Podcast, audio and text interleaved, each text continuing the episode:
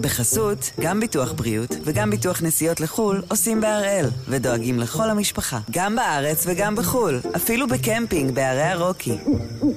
כן, גם שם, כפוף לתנאי הפוליסה וסייגיה ולהנחיות החיתום של החברה. היום יום רביעי, שלושה באוגוסט, ואנחנו אחד ביום מבית N12.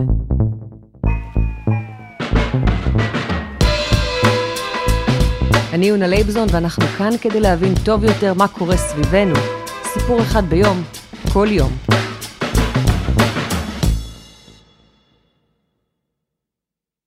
אני אפתח בשאלה. יש לכם כסף מזומן בארנק? אתם זוכרים כמה? פעם זה היה ברור מאליו שיש לנו, וגם פחות או יותר זכרנו מה הסכום. היום, בשביל רוב התשלומים, לא צריך אפילו ארנק, אפילו לא כרטיס אשראי, ואם זה היה תלוי רק ברשות המיסים, מבחינתם, שלא יהיו לכם עסקאות במזומן בכלל. השבוע נכנס לתוקף השלב האחרון של החוק שמגביל את גובה העסקאות במזומן. המטרה? להילחם בהעלמות המיסים. אז הפעם אנחנו שואלים את העורכת הכלכלית שלנו, קרן מרציאנו, מה זה אומר בפועל, והאם המאבק של המדינה בכלכלה השחורה מצליח. אהלן קרן. שלום יונה. לך יש עכשיו מזומן בתיק? האמת היא שכן, תמיד אני, אה, בדרך כלל יש לי כמה מאות שקלים בארנק. אה, את יותר צעירה ממני, אבל כשאני הייתי קטנה לימדו אותי שאין חבר נאמן כמו כסף מזומן. אה, ואת יודעת, ילדים קטנים, ארטיק פה, ארטיק שם, איזה עסק שלא מקבל, אז כן.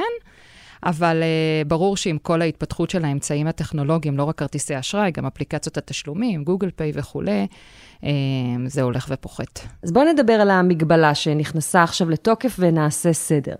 איזה עסקאות יאסרו מעכשיו?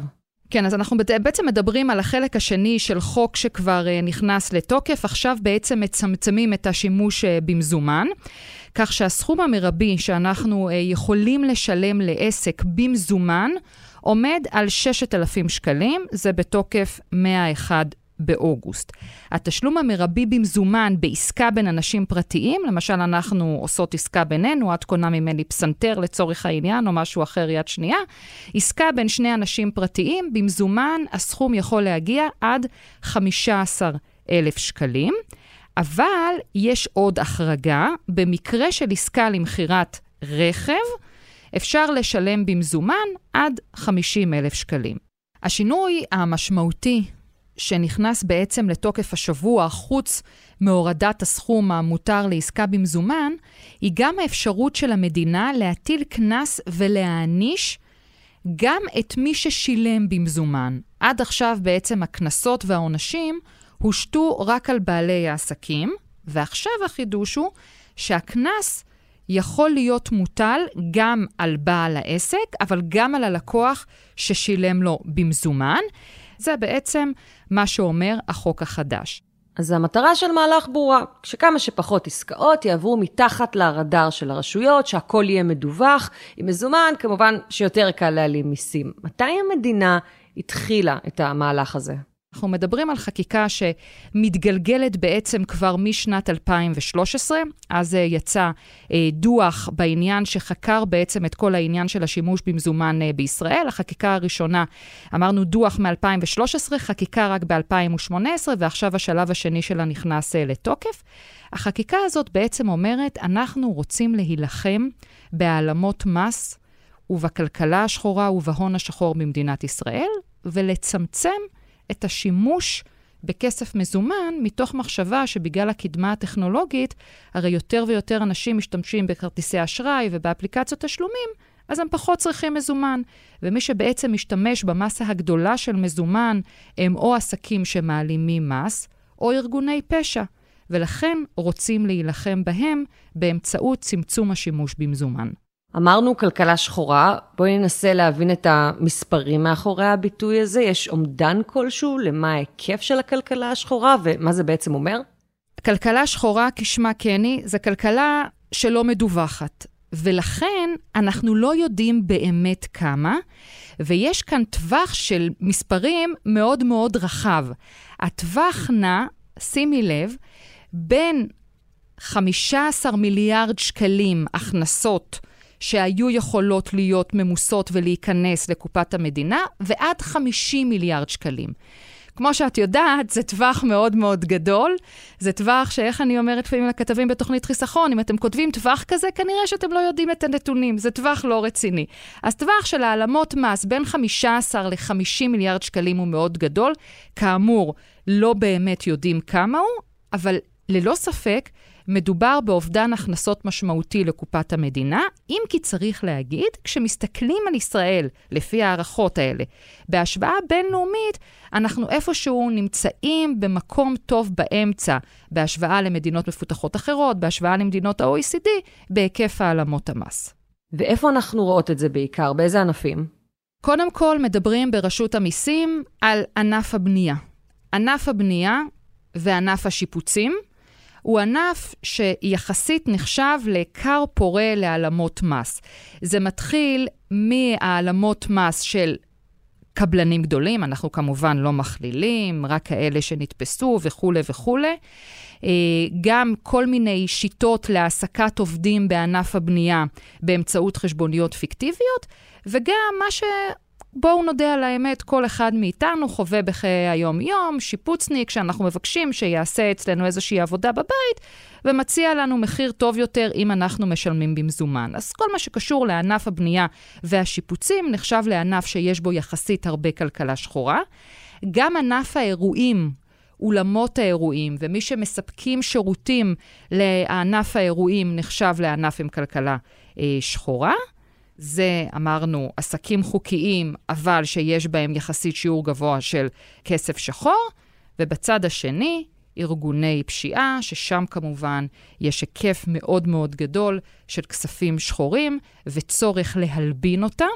כי כשאתה ארגון פשע, אתה לדוגמה מקבל הרבה כסף מזומן, למשל מעסקת סמים, ואתה לא יכול להשתמש בכסף המזומן הזה. מה אתה יכול לעשות איתו? אז אתה הולך וקונה באמצעותו נכס שהוא נכס חוקי, כמו למשל נדל"ן, ואז בעצם הלבנת את הכסף הזה. עכשיו, מכסף ששימש אותך לפשע, הכסף הזה הוא בעצם כסף חוקי. ועד לפני כמה שנים הייתה באמת אפשרות לארגוני פשע או לעבריינים לקנות באמצעות הכסף הזה דירה במזומן. עכשיו כבר אין את האפשרות הזאת. או למשל, האפשרות לקנות מכונית במזומן. תחשבי על זה שאפשר היה, היית יכולה, תיאורטית, אם את פושעת, לא יותר מדי מתוחכמת, לקבל כסף בעסקת סמים, לקחת את הכסף הזה, להיכנס לסוכנות רכב ולקנות רכב. ברכב מפואר, כן, ב-400, 500 אלף שקלים, ולשלם את כל הרכב הזה במזומן. עכשיו, בעקבות החוק הזה, את לא יכולה. יש הגבלה הרבה יותר משמעותית על כמה כסף את יכולה לשלם, וכל הצעדים האלה בעצם נועדו מאוד מאוד לצמצם את היקף השימוש בכסף השחור.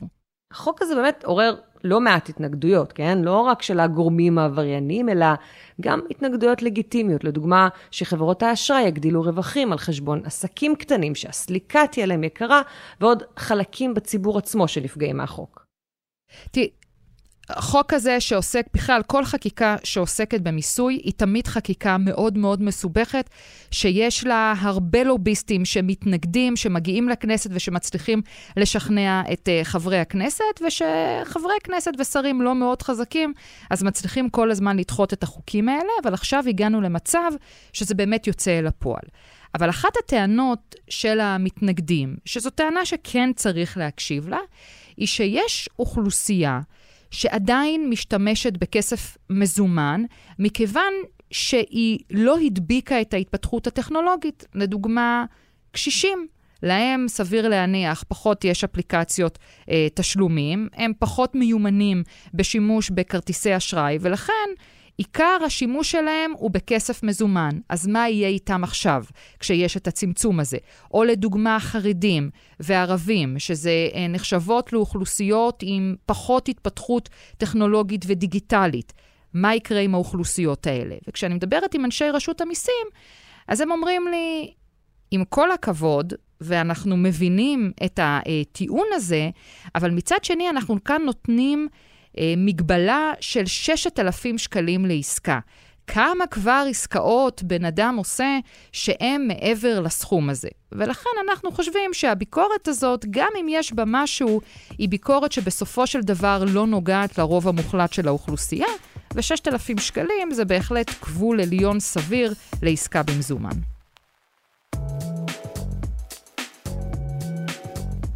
אז למרות כל הלחצים, הרפורמה הזו יצאה לדרך, אבל האם זה הצליח להשפיע? האם יש נתונים שמראים אם המדינה הגדילה את גביית המיסים? חסות, ומיד חוזרים.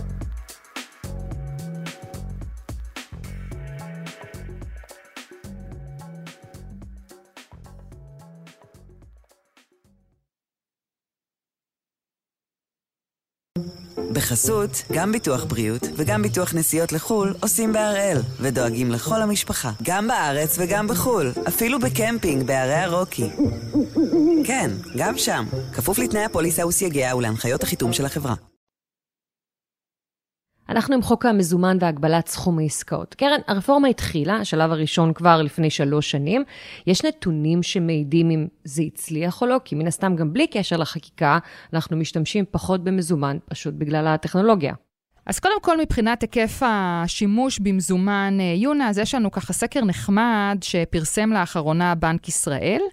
ושאל את הציבור עם כמה כסף מזומן אתה מסתובב בארנק, אז 55 אחוזים השיבו שעם פחות מ-200 שקלים, 26 אחוזים אמרו בין 200 ל-500 שקלים, 8 אחוזים מהאוכלוסייה מסתובבים עם בין 500 ל-1,000 שקלים בארנק. עכשיו, ברור שהשימוש במזומן הולך ויורד בגלל ההתפתחויות הדיגיטליות והטכנולוגיות.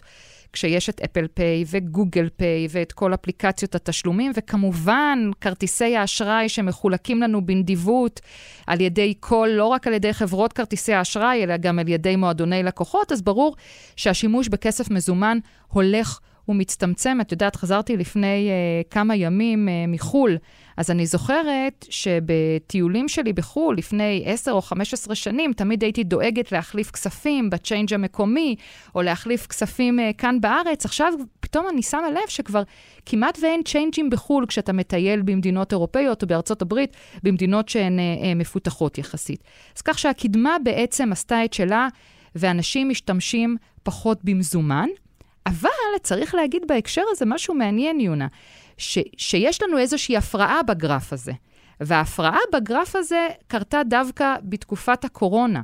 כי בתקופת הקורונה אנשים השתמשו יותר בכסף מזומן.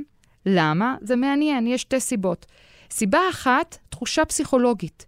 כשיש משבר גדול, כשיש מלחמה, כשיש מגפה גדולה, אנשים ממהרים להצטייד במזומן כי הם חושבים שאולי חס וחלילה פתאום ייסגרו הבנקים ולא יהיה כסף. את זוכרת מה היה ערב הסגר uh, הראשון? בפעם הראשונה שהעלו את המילה סגר, באמצע מרץ 2020, נוצר ממש מחסור בכספומטים. אנחנו זוכרים את בנק ישראל מנסה להרגיע את הציבור, אומר שמגבירים את קצב מילוי הכספומטים ושיש מספיק כסף, אל תדאגו. זה עניין אחד.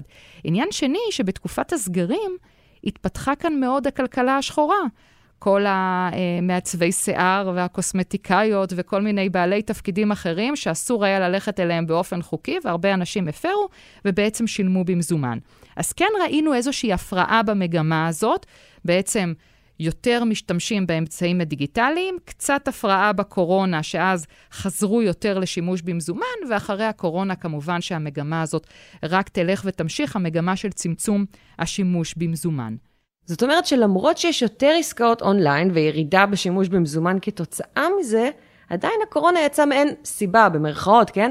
לנסות ולהעלים הכנסות, ולכן לחזור לשימוש במזומן. אבל אם נסתכל בסך הכל, החוק הצליח? לפי נתוני רשות המיסים, לא רואים כאן שינוי דרמטי, רואים שהיו בערך 1,200 הפרות, על שימוש במזומן לא תקני של 43 מיליון שקלים, שזה הוביל לקנסות של כמעט 11 מיליון שקלים. זה לא הרבה. אבל אני לא יודעת אם מדובר כאן באמת בנתונים על, על צמצום ההיקף בשימוש במזומן, או בסוף בנתונים על כך שבעיניי האכיפה של החוק הזה היא מאוד בעייתית. כי אלה רק הקנסות בעצם, לא רק כמה כסף נכנס לקופת המדינה כתוצאה מהעובדה שיש פחות שימוש במזומן. אבל יש מקומות שבהם את כן חושבת שאפשר לראות השפעה או הצלחה?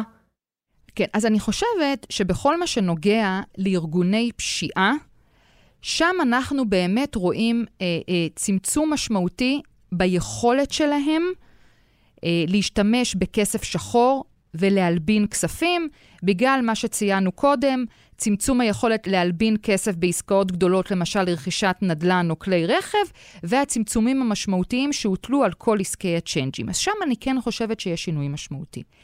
אבל בכל מה שנוגע, למשל, להעלמות מס של לקוח בדרך עסק פרטי, למשל, אני הולכת עכשיו לקנות רהיטים בחנות רהיטים, ומחליטה לקנות רהיט ב-10,000 שקלים. אני עוברת על החוק אם אני משלמת את זה במזומן, כי החוק מתיר לי לשלם רק עד 6,000 שקלים. עכשיו, לראשונה החוק הזה מתיר, בעצם מהתיקון שנכנס השבוע לתוקף, להטיל גם עליי קנס. עד עכשיו הקנס היה מוטל רק על בעל העסק, עכשיו הקנס מוטל גם עליי כלקוחה, אם אני עוברת על החוק. אבל אני רוצה לדעת, זה משהו שאני לא מצליחה להבין, ואני מודה שגם בשיחות שלי עם אנשי רשות המיסים לא קיבלתי תשובה מספיק טובה, איך הם בעצם יכולים לעלות עליי?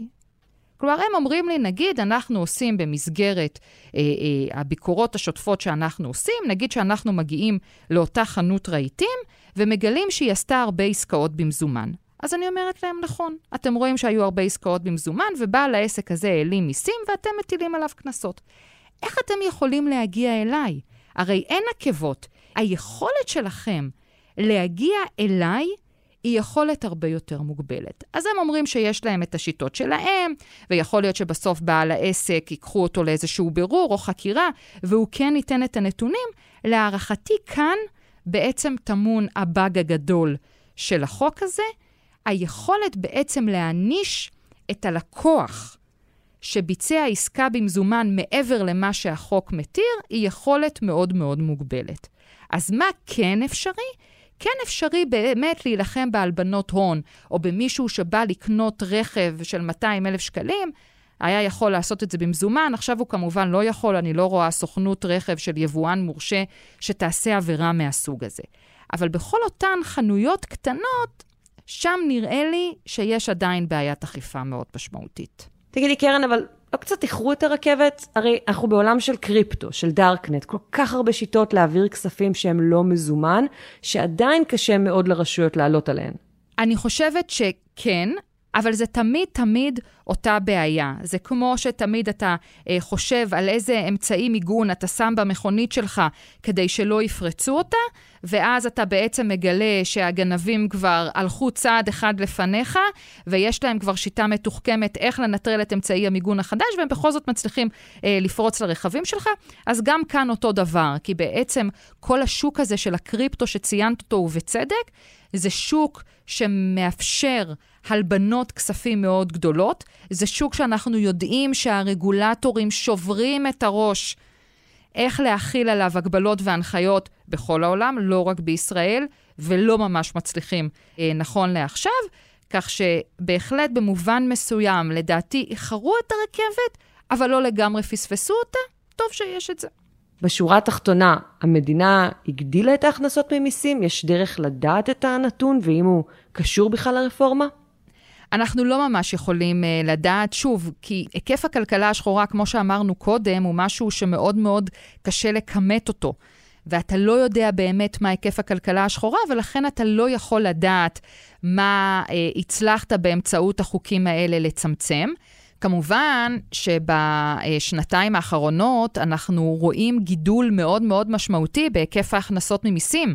אנחנו רואים שהגירעון נמוך, והיקף ההכנסות מצליח כל פעם להפתיע לטובה, אבל צריך להגיד, אנחנו לא יכולים לייחס את זה באופן חד משמעי אה, להכנסות מצמצום ההון השחור, כי הייתה כאן צמיחה מאוד גדולה אה, במשק, וסביר להניח שהרוב המוחלט, הגידול הזה של ההכנסות ממיסים נבע מהצמיחה המואצת במשק, שהכניסה בעצם יותר כסף לקופת המדינה.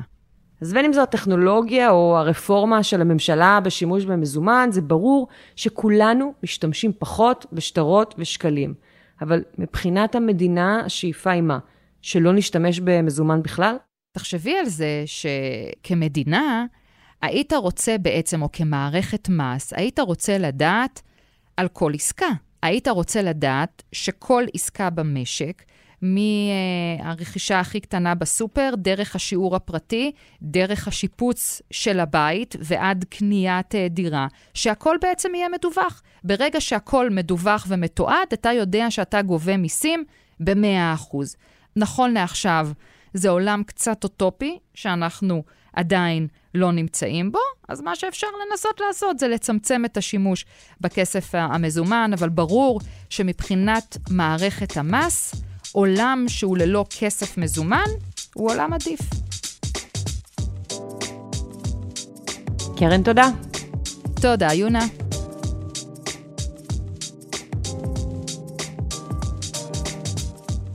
וזה היה אחד ביום של N12. אנחנו גם בפייסבוק, חפשו אחד ביום, הפודקאסט היומי. העורך שלנו הוא רום אטיק, תחקיר והפקה דני נודלמן, רוני ארני ועדי חצרוני.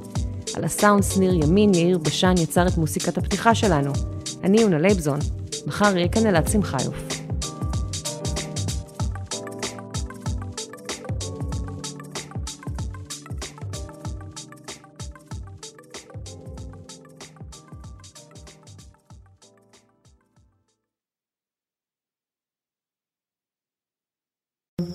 בחסות, גם ביטוח בריאות וגם ביטוח נסיעות לחו"ל עושים בהראל, ודואגים לכל המשפחה, גם בארץ וגם בחו"ל, אפילו בקמפינג בערי הרוקי. כן, גם שם, כפוף לתנאי הפוליסה וסייגיה ולהנחיות החיתום של החברה.